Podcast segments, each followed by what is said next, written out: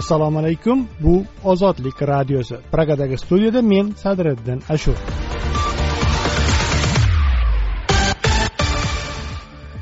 Ozodlikning bugungi dasturida shavkat mirziyoyev blek out haqida osmondan tushmagan tinchlik. Man o'zbekistonda shuncha yil yashaganman shuncha rahbar bo'lganman hamma biron marta bunaqa narsa bo'lgani yo'q. Blek out o'zbekiston shifoxonalaridagi bemorlar holi ne kechdi blekaut oqibatlari sham va benzinga navbatlar. Yetti ming so'mga bitta sham oldim.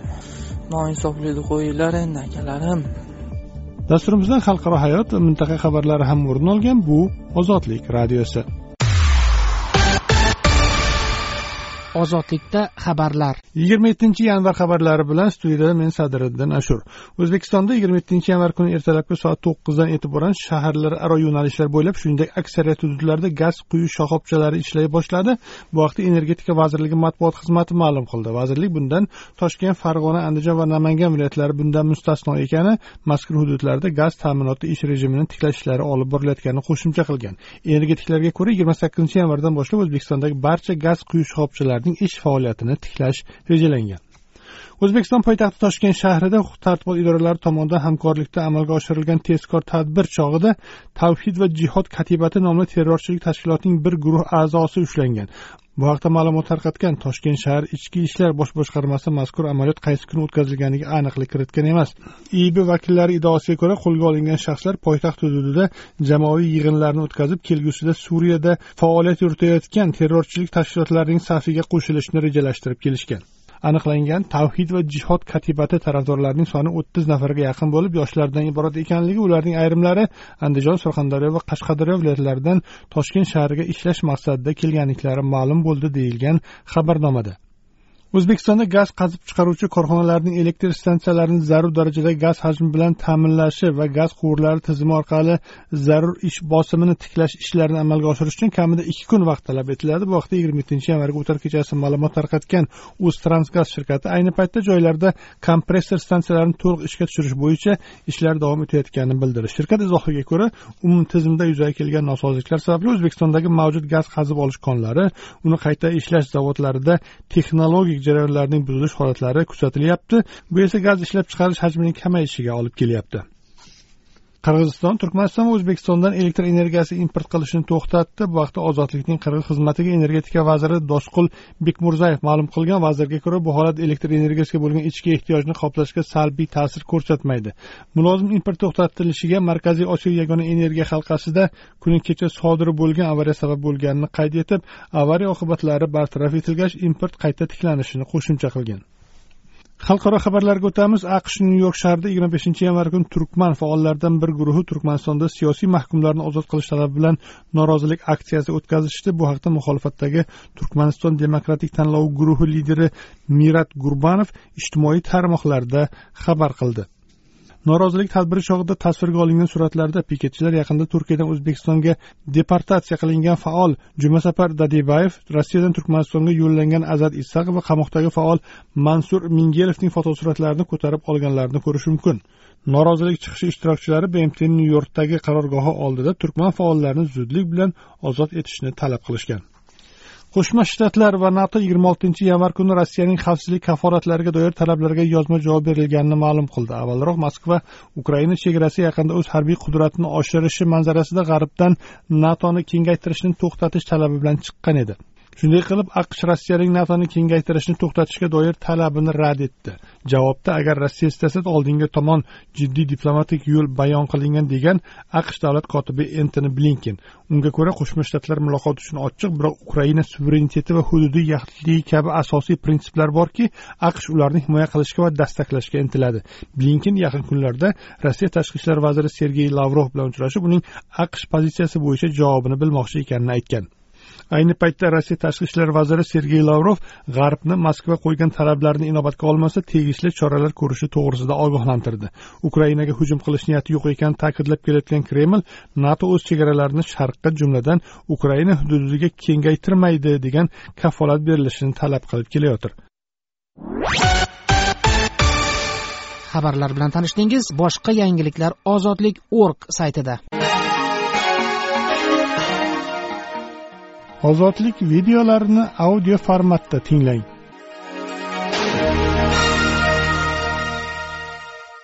Assalomu alaykum. Prezident shavkat mirziyoyev bugun o'tgan video selektorda yigirma beshinchi yanvar kuni o'zbekiston va mintaqada yuz bergan blekaut sabablari va oqibatlariga to'xtaldi. U vaziyatni shaxsan nazoratga olganini aytib texnogen avariyadan saboq chiqarish kerakligini ta'kidladi. Man o'zbekistonda shuncha yil yashaganman shuncha rahbar bo'lganman hamma biron marta bunaqa narsa bo'lgani yo'q mana bir zumda elektr ta'minoti bo'yicha sodir bo'lgan texnik uzilish bir zumda butun mintaqa hayotida kuchli aks sado berganini barchamiz guvoh bo'ldik. Hech bola qo'limizdan kelmadiku shuncha texnologiya qo'limizda bor. Kelmadi hech bola. Bu avariyadan o'sha zahotiyoq xabar topib darhol hukumat komissiya tuzishga topshiriq berdim. Komissiya tarmoq va hudud rahbarlari bilan doimiy muloqotda bo'lib avariya hamda uning iqtisodiyot va aholi hayotiga salbiy ta'sirini bartaraf etish bo'yicha ishlarni shaxsan nazoratga oldim. Bunday ekstremal vaziyatda energetika neft gaz kommunal soha transport hokimliklar sog'liqni saqlash favqulodda vaziyat va huquq targ'ibot idoralari ommaviy axborot vositalari o'zaro bahamjihat ishlagani hisobiga birinchi marta shunday bo'ldi. Ommaviy axborot vositalari ham juda to'g'ri bu safar bizga ko'mak bo'ldi ochiq gap adolatli ko'mak bo'ldi. Ulardan man minnatdorman. Avariya oqibatlari bosqichma bosqich bartaraf etilmoqda. Shu bilan birga bunday holatda xalqimiz ham vaziyatni to'g'ri qabul qilib sarosimaga tushmadi. Fursatdan foydalanib avvalo sabr toqatli xalqimizga. Shuningdek ushbu vaziyatni bartaraf etishga jonbozlik ko'rsatgan barcha barcha soha idoralar hokimliklar shuningdek ommaviy axborot vositalari va ijtimoiy tarmoq vakillariga o'z minnatdorchiligimni bildiraman. Bu hodisadan to'g'ri xulosa qilib biz o'zbekiston taraqqiyotining davrimizning global muammolari bilan yanada bog'liq holda ko'rishimiz kerak. Bu borada mavjud tahdid va muammolarni bartaraf etishga doimo tayyor turishimiz kerak. Tinch osoyishta hayot osmondan tushmaydi. Bu hayotning qadrlash asrab avaylash bu hayotni himoya qilishimiz kerak kurashishimiz kerak bu hayot uchun. Ayni paytda maxsus komissiya oradan bir sutka o'tib hodisa yuzasidan matbuotga biror bayonot bergani yo'q. O'zbekiston energetika vazirligi boshqarma boshlig'i abdumalik nazirovning ma'lum qilishicha mamlakatda elektr energiya ta'minotini tiklash ishlari yigirma yettinchi yanvar kuni ham davom etadi. Barcha kuchli ishga e, ishga qo'yilgan. Birinchi hisob kitobimiz bo'yicha e, hozir bugun kun e, yakuniga qadar aholi iste'molchilarini to'liq elektr energiya bilan ta'minlab ertangi kun davomida ertangi kun bilan qolgan iste'molchilarni. Yuridik boshqa e, ishlab chiqarish korxonalarini elektr energiya bilan ta'minlash e, rejalashtirilgan. Lekin o'zbekistonning aksar hududi yillardan buyon svetsiz gazsiz yashamoqda. Ayniqsa hozirgi qish kunlarida tanqislik juda kuchaygan. Ya'ni aslida o'zbekiston elektr ta'minoti blekautga qadar necha foiz edi bu savolga rasmiy javob yo'q. Hozir blekaut oqibatlarini bartaraf qilyapmiz. Hududlarga to'liq elektr energiyasi yetkazib berdik deyotgan rasmiylar va ularni savolga tutayotgan jurnalistlar blekautga qadar ham xalqni qiynab kelayotgan energetik krizis haqida umuman gapirmayotir. Hozirda kun tartibida turgan yana bir muhim masala esa mintaqaning birdaniga uch davlatini zulmatga cho'mdirgan blekautning sabablari haqida. Mavzuning bu jihatini bugun hamkasbim umidbek o'rgandi. Hozir u kishini suhbatga tortamiz.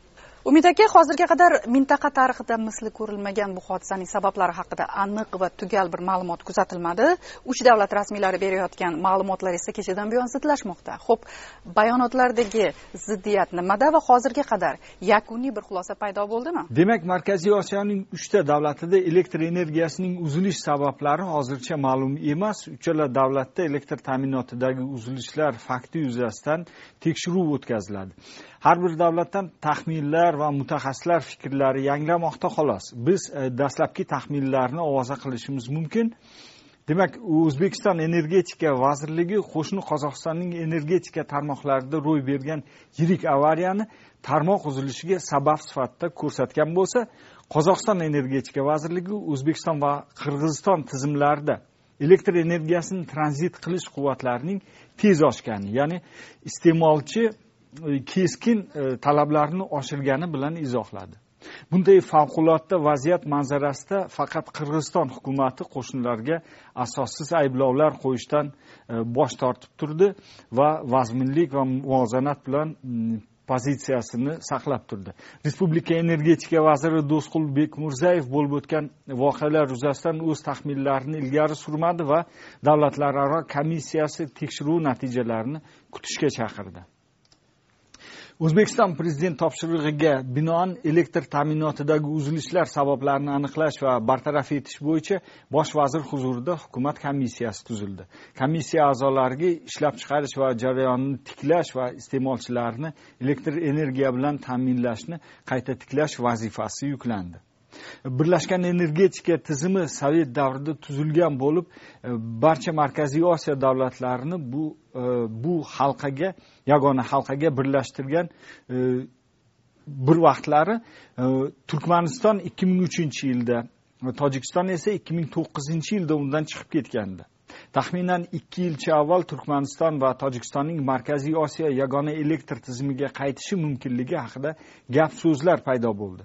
Ikki ming o'n to'qqizinchi yilda hatto bu tarmoqqa afg'oniston qo'shilishi va pokiston hukumati yordamida uni kengaytirish masalasi muhokama etildi. Ya'ni bu halqa haqiqatdan har bir unga a'zo bo'lgan davlatlarga juda foydalidir. Rahmat umid aka ayni paytda ijtimoiy tarmoqlarda hodisaga sabab ko'rilayotgan yana bir versiya ham bahs bo'lmoqda. Go'yoki qozog'iston tomoni shunday muammo borligidan yigirma birinchi yanvardayoq xabardor bo'lgan ammo rasman qo'shnilarni ogohlantirmagan. Shu ma'lumotga aniqlik kirita olasizmi umid aka albatta kembrij universiteti hisob kitoblariga ko'ra e, qozog'iston bitcoin qazib olish e, yoki mayning bo'yicha dunyoda aqshdan keyingi ikkinchi o'rinda turar ekan. O'n sakkiz foiz qazib olinayotgan dunyodagi bitcoinlar qozog'istonga to'g'ri kelar ekan. Ular hatto rossiyadan ham oldinda ekan. Qozog'iston janubidagi mayning firmalar juda ko'p elektr energiyasini o'ziga tortadi. Balki bunda haqiqat bordir lekin birlashgan tarmoq quvvatlarini keskin pasayish faqat ularning aybi yo'q bo'lsa kerak chunki tarmoqni baribir mutaxassislar kuzatib boradi va kuchlanish hosil bo'lsa maynerlarga elektr toki shunchaki uzib qo'yiladi. Har holda ekspertlar kuchlanish boshlangani ortidan mayning kompaniyalari tarmoqdan uzilishi kerak edi degan fikrda. E, kriptomaynerlar faoliyati o'zi e, ko'plab davlatlarda e, qizg'in muhokamalarni keltirib chiqargan. Masalan rossiya markaziy banki xitoy tajribasiga tayanib anchadan beri kriptovalyutani va uni qazib olishni taqiqlashni taklif qilib keladi. Ho'p endi umuman bu hodisaning sabablari va oqibatlari haqida ekspertlar nima deyapti? Demak rossiyalik mutaxassislar sovet davrida tuzilgan yagona dispetcherlik tizimining yetarlicha nazorati yo'qligini ham sabab qilib bunga ko'rsatdi. Ya'ni kimga qancha energiya ketayotgani qayer kuchlanayotgani hammasi dispetcherlik punktidan nazorat qilib borilishi kerak. Ya'ni tarmoqni davlatlararo sinxronlashtirish mexanizmi bo'lishi shart ekan. Shuningdek tarmoqni normal ishlashi uchun zaxiralar miqdorini oshirish kerakligi ya'ni elektrostansiyalar sonini ko'p ko'paytirish kerakligi ham aytilmoqda.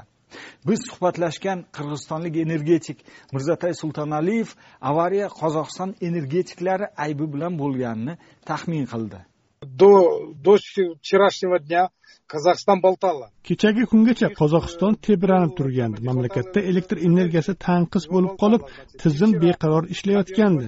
Kecha tushga yaqin soat o'n birlarda besh yuz kilovoltli shimol janub liniyasi uzilishi yuz berdi. Bir lahzada uzilib mamlakat janubida katta nagruzka paydo bo'ldi. Hudud o'zida ishlab chiqariladigan quvvatdan tashqari bir ming besh yuz megavatni yeb qo'ydi. Mana shu bir ming besh yuz megavat o'rta osiyo energiya halqasidan so'rib olinib natijada qirg'iziston to'lig'icha va o'zbekistonning ushbu yagona energiya tizimga ulangan hududlarda elektr o'chib qoldi и ту часть Узбекистана, которая соединена в эту систему. Значит, у каждой страны есть своя автономная энергосистема. har bir mamlakat o'zining avtonom energiya tizimiga ega. O'rta osiyo energetika halqasi bilasizmi? Nima uchun mo'ljallangan? U mazkur uch mamlakat bir biriga yordam berishiga mo'ljallangan. Ammo nima bo'lganda ham bunaqa holatda oldindan ogohlantiriladi. Bundan chiqadiki qozog'iston o'tgan kuni ya'ni bir kun oldin ogohlantirishi kerak edi. Bizda ahvol shunaqa deb o'zbekistonlik faxriy energetik pensioner olmaka to'rayev bugungi avariyali uchish sabablarini bunday tushuntirdi. Avariya energiya tizimimizda asosan chistotani ushlab turadigan janubiy qozog'iston va qirg'iziston orqali keladigan 500 kilovatli l 530 liniyada ro'y bergan deyishmoqda. Haqiqatdan chistota tushib ketsa bizdagi elektr stansiyalardagi bloklar o'chadi. Qayta tiklash uchun sistemamizni ajratib olib elektrostansiya bloklarini navbatma navbat qo'shishga to'g'ri keladi. Toki normal holatga kelguncha cheklovlar ham kiritiladi. Umuman olganda biz suhbatlashgan mutaxassislar muammo qish paytida elektr energiyasi taqchilligining yuzaga kelib turishi va tarmoqlarning eskirib qolgani bilan ham izohlashdi. Ya'ni kechagi avariyaga bir nechta holatlar o'z ta'sirini ko'rsatgani shubhasiz. Bu hodisa sabablari hozircha har bir davlat tomonidan alohida o'rganilmoqda va ular o'rtasida tuzilgan davlatlararo komissiya natijalarini biz ham kutib qolamiz. Javoblar uchun rahmat umid aka. Demak energetika vazirligi bergan rasmiy bayonotga ko'ra yigirma oltinchi yanvar kechga qadar aholiga elektr ta'minoti to'liq tiklanishi kutiladi va ertaga kun davomida yuridik shaxslar ya'ni turli tashkilot va korxonalarga elektr yetkazib beriladi. Biz esa vaziyatni kuzatishda davom etamiz. So'nggi yangiliklarni ozodlik nuqta org sayti hamda ozodlikning ijtimoiy tarmoqlardagi sahifalarida kuzatib boring. Xayr omon bo'ling. Ozodlikda dolzarb mavzu. Blackout o'zbekiston shifoxonalaridagi bemorlar holi nega kechdi? Tafsilotlar bilan hurmat bobojon. O'zbekiston sog'liqni saqlash vazirligi rasmiylari yigirma beshinchi yanvar kuni sodir bo'lgan blackout energotizimdagi yirik avariya sabab bemorlarning ahvoli og'irlashgani yoki o'lim bilan bog'liq biror holat qayd etilmaganini aytishmoqda. Ayni paytda ijtimoiy tarmoqlarda tarqalgan xabarlar va ozodlik suhbatlashgan shifokorlarning so'zlaridan mamlakatdagi barcha tibbiyot muassasalari ham zaxira quvvatiga o'tolmagani bemorlar hayoti uchun jiddiy xavflar paydo bo'lgani anglashiladi. O'zbekiston hukumatining koronavirusga qarshi kurash shtabi a'zosi sevara ubaydullayeva ozodlik bilan suhbatda o'zbekistonda elektr ta'minotida uzilishlar bundan oldin ham bo'lgani sabab tibbiyot muassasalarida muqobil elektr manbalari avvaldan shay qilib qo'yilganini aytdi.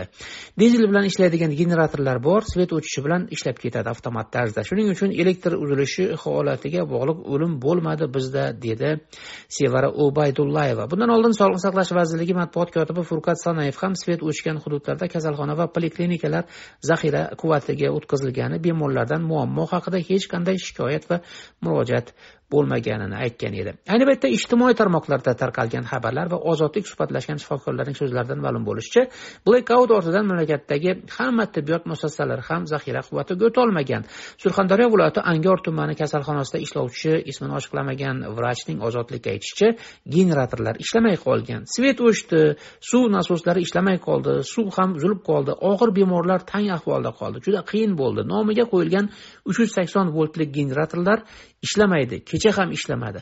Biz tuman shifoxonasi bo'lgani uchun kislorodga ulangan bemorlarni viloyatga jo'natamiz. Ularda dvijok bor. U yerda ham ba'zida ishlamaydi. Og'ir bemorlarga svet o'chib qolsa ruchnoy havo beradigan maxsus qoplar bilan kislorod beriladi deydi shifokor. Navoiy viloyati qiziltepa tumanidagi kasalxonada ishlovchi shifokor javohir xotamov ham generatorlar ishlamasligidan shikoyat qiladi. Kecha juda qiyin bo'ldi. Generatorlar bor ishlamaydi. Faqat operatsion xonada kichkina generatorlardan foydalanishadi. Kasalxona hovlisida katta generator olib qo'yishgan lekin ishlamaydi. Komissiya kelsa ko'rsatishadi xolos deydi xotamov. Ayni paytda tarmoq foydalanuvchilari qator shifoxonalarda hanuz elektr yo'qligi haqida yozishmoqda. Elektr ta'minotidagi uzilishlar sabab nafaqat chekka hududlar balki poytaxt toshkent va boshqa yirik shaharlardagi kasalxonalarda ham muammolar yuzaga kelgani kuzatildi. Toshkentdagi aqua midline xususiy klinikasida davolanayotgan bemorlar yigirma beshinchi yanvar kuni svet yo'qligi va isitish tizilmalari ishlamay qolgani sabab sovuqda qolganliklarini aytishgan. Samarqanddagi shoshilinch tibbiy yordam markazida davolanayotgan bemorlar esa kasalxonaning dializ bo'limida elektr quvvati uzilishi tufayli sun'iy buyrak apparatlari o'chib barcha bemorlar hayotiy muolajasiz qolib kelgani aytilishadi. Toshkentdagi respublika onkologiya va radiologiya markazida esa yigirma beshinchi yanvar kuni blekaut sabab muolajalar to'xtatilgan. Markazda elektro infinity e, chiziqli tezlatkichni yetkazib bergan umen e, medical shirkati bosh direktori manuel arutunyanning ozodlikka aytishicha yuqori texnologiyali uskunalar generatorda ishlamaydi. Chiziqli tezlashgichlar doimiy tokda ishlaydi dvijokda ishlamaydi. Kecha muolaja shuning uchun to'xtatilgan edi. Bugundan to'liq rejimda ishlayapti dedi arutunyan. Koronavirusga qarshi kurash shtabi a'zosi sevara ubaydullayeva ozodlik bilan suhbatda ba'zi kasalxonalarda muammolar yuzaga kelgan bo'lishi mumkinligini inkor etmaydi. To'g'ri ba'zi uskunalarga doimiy tok kerak. Har xil holat bo'lishi mumkin. Dvijoklar ishlamay qolishi mumkin. Mana gemodializ uskunasi ham siz aytganday yuqori texnologiyali qurilma. U ham avtodvijok e, bilan ishlamasligi mumkin. Bizda og'ir bemorlarni ushlab turgan uskunalar uchun kerak bo'lgan quvvatga qarab dvijok o'rnatganmiz. Gemodializ yoki nurlanish uskunalari bilan muolaja keyin ham davom ettirilishi mumkin. Svet tiklangandan keyin ham davom ettirsa bo'ladi buni. Hayot uchun reanimatsion holatlarda inson hayotini saqlab qolish mumkin bo'lgan holatlarda yuqori quvvatli generatorlarni ham o'rnatganmiz deydi sevara ubaydullayeva. Bundan oldin elektr ta'minotidagi uzilishlar sabab sun'iy nafas olish qurilmasi ishlamay qolishi oqibatida o'lim holatlari ham bo'lgani haqida ozodlik xabar bergan edi. Ammo o'zbekistonda hozirgi blek out oqibatida o'lim holati bo'lmagani aytilyapti. Dastur davomida ozod mikrofon sham 15 ming so'mga chiqdi. Barcha og'irlik yana oddiy xalqning yelkasiga tushyapti. Kecha ko'rsangiz shaharga o'n besh minggacha chiqdi yevropa sudi mh o'n yetti raisi halokatiga doir ish bo'yicha rossiyaga qarshi shikoyatlarni ko'rishga kirishdi. Dasturimizda xalqaro hayot va mintaqa xabarlari ham o'rin olgan bu ozodlik radiosi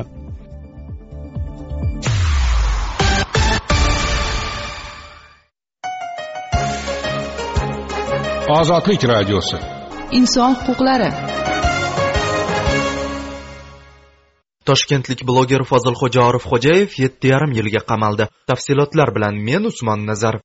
Ijtimoiy tarmoqlarda abror muxtoraliy taxallusi ostida ziddiyatli chiqishlar bilan tanilgan abror abduazimov bilan toshkentdagi to'xtaboy masjidi oldida bo'lib o'tgan tortishuv ortidan qo'lga olingan bloger fozilxo'ja orifxo'jayev yetti yarim yilga qamaldi toshkent shahar sudlari telegram kanali tarqatgan ma'lumotga muvofiq joriy yilning yigirma oltinchi yanvar kuni jinoyat ishlari bo'yicha olmazor tuman sudida qirq bir yoshli fozilxo'ja orifxo'jayev ishi bo'yicha sud jarayoni nihoyasiga yetib hukm e'lon qilingan. Sudya nuriddinov raisligida yuritilgan sud hukmiga ko'ra sudlanuvchi o'zbekiston jinoyat kodeksining ikki yuz qirq to'rtinchi moddasi jamoat xavfsizligi va jamoat tartibiga tahdid soladigan materiallarni tayyorlash saqlash tarqatish yoki namoyish etish. Uchinchi qismi g bandida nazarda tutilgan jinoyatni sodir etganlikda aybdor deb topilgan va unga nisbatan yetti yilu olti oy muddatga ozodlikdan mahrum etish jazosi tayinlangan xabarnomada hukmdan norozi taraflar yigirma kun ichida toshkent shahar sudining jinoyat ishlari bo'yicha sudlov hay'atiga apellyatsiya tartibida shikoyat berishlari yoki prokuror tomonidan protest bildirilishi mumkinligini bildirilgan.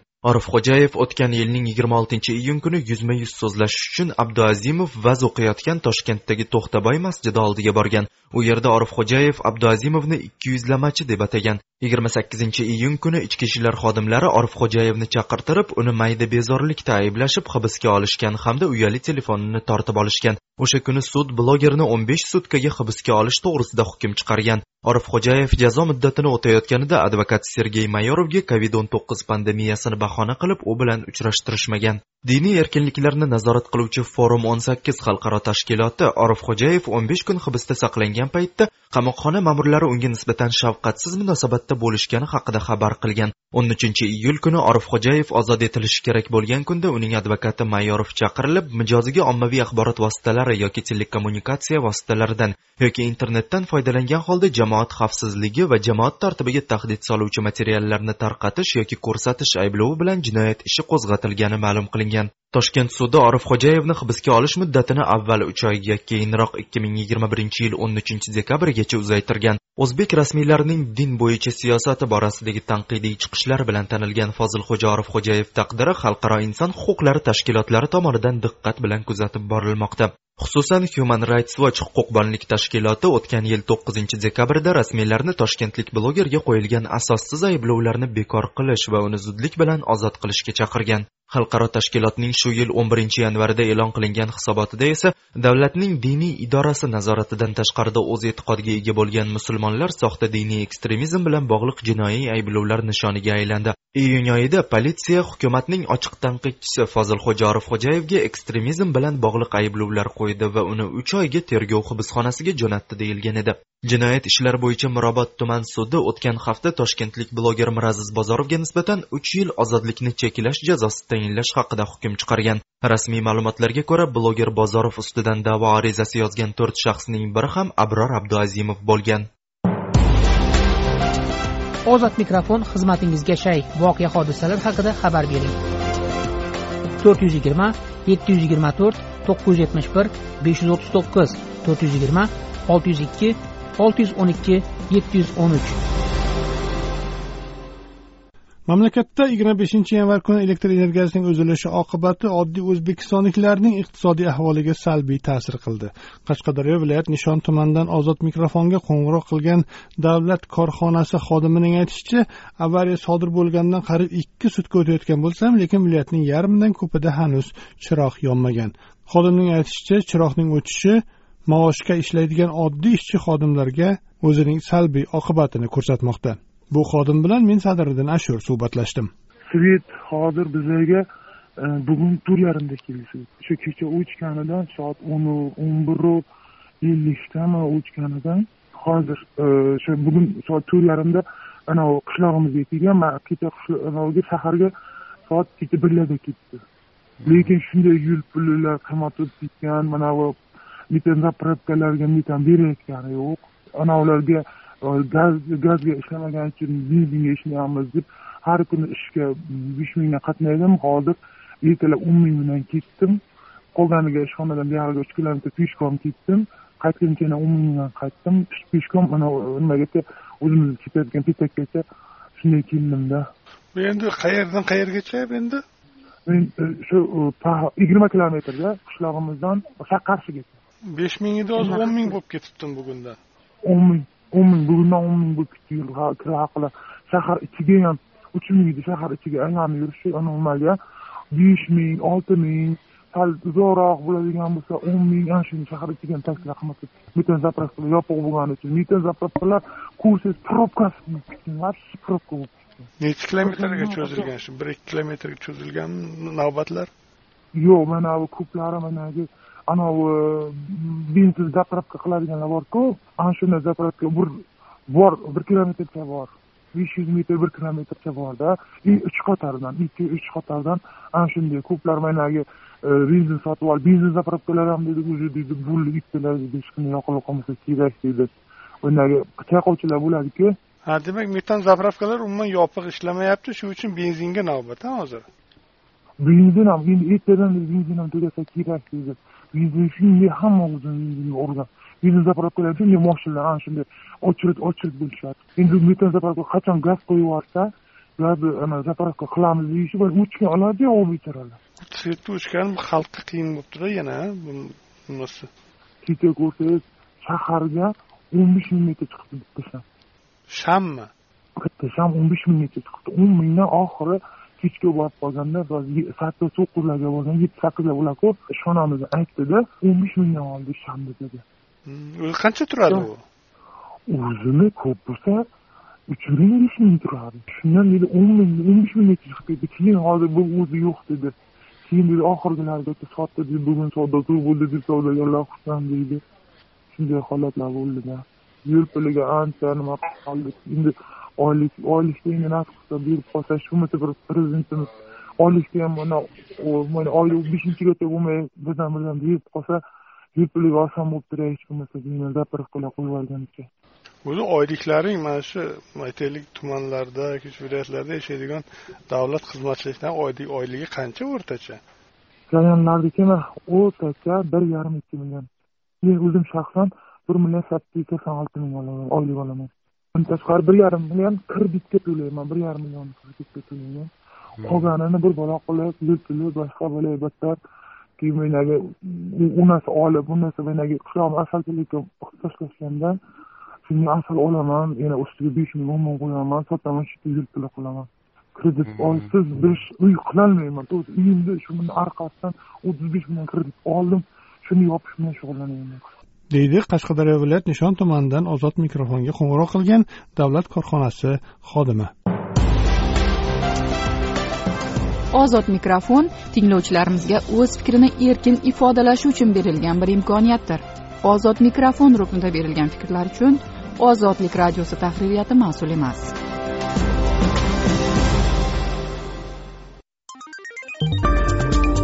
Ozodlik radiosi instagram tarmog'ida. Kundalik xabarlar audio video lavhalarimizni kuzatishingiz do'stlaringiz bilan osongina ulashishingiz mumkin. Lotinda ozodlik radiosi deb qidiring.